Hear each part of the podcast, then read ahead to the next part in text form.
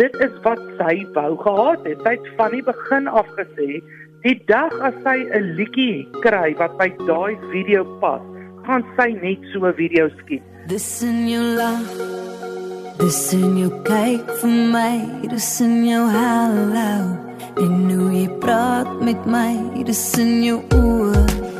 En op jou lippe jy dit altyd doen om dit reg te kry. Het nooit ooit gedink dit gaan iets wees wat mense ontstel of kwaad maak nie. Vir haar was hierdie net 'n ongelooflike mooi video. Dis nie eens iets wat ek gedink het dis verkeerd om te doen nie. Dis nie iets wat sy wou wegsteek nie, want ek meen, hoe steek jy dit weg?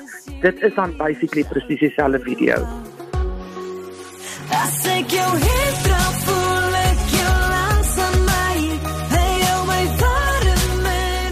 Dit was Karlien van Jaarsveld se bestuurder Ronald Brink.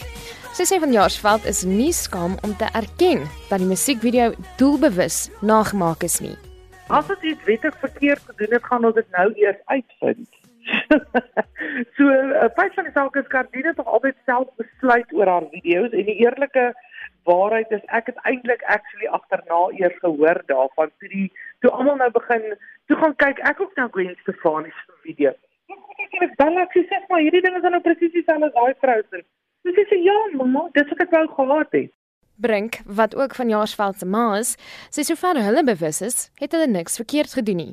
Sover as ons kennis trek, is dit nie onwettig nie. So ja, ons hoop nie ons het iets onwettig gedoen nie want dit was nie iets wat afspris was nie. So sê nou maar dit is onwettig, is dit totaal uit onkunde uitgedoen. Die bietjie wat ons dan probeer ondersoek instel het, is dit nie onwettig om dit te doen nie. Ja. Ek weet die hele kan dalk raad inwin en uitvind of dit onwettig is of nie, maar volgens dit wat ons uitgevind het, is dit nie onwettig om te doen nie.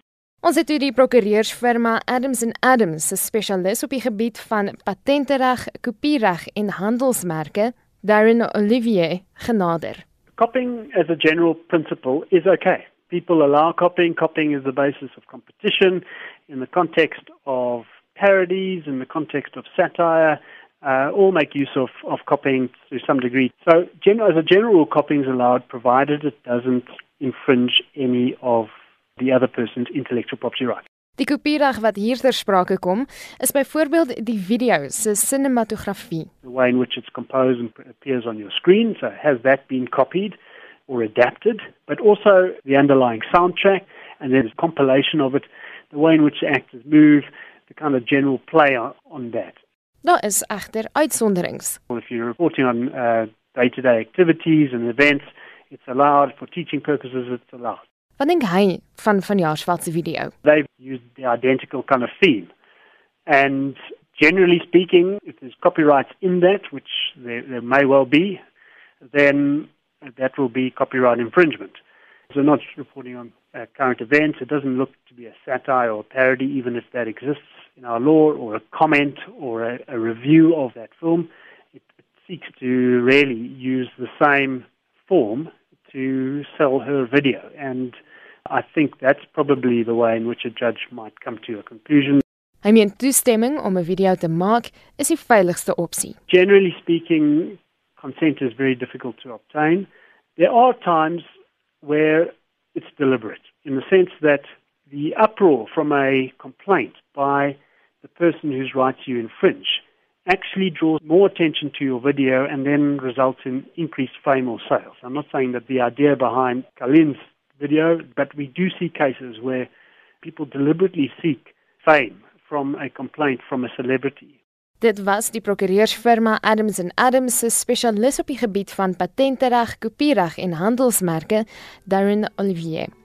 Ons het die skakels na die twee video's op ons Facebookblad gelaai. Laat weet ons wat jy dink.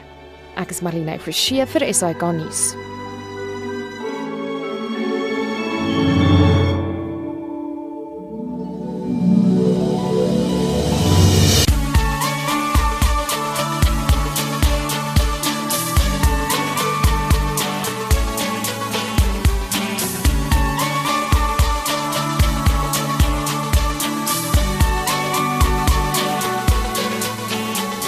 It's hard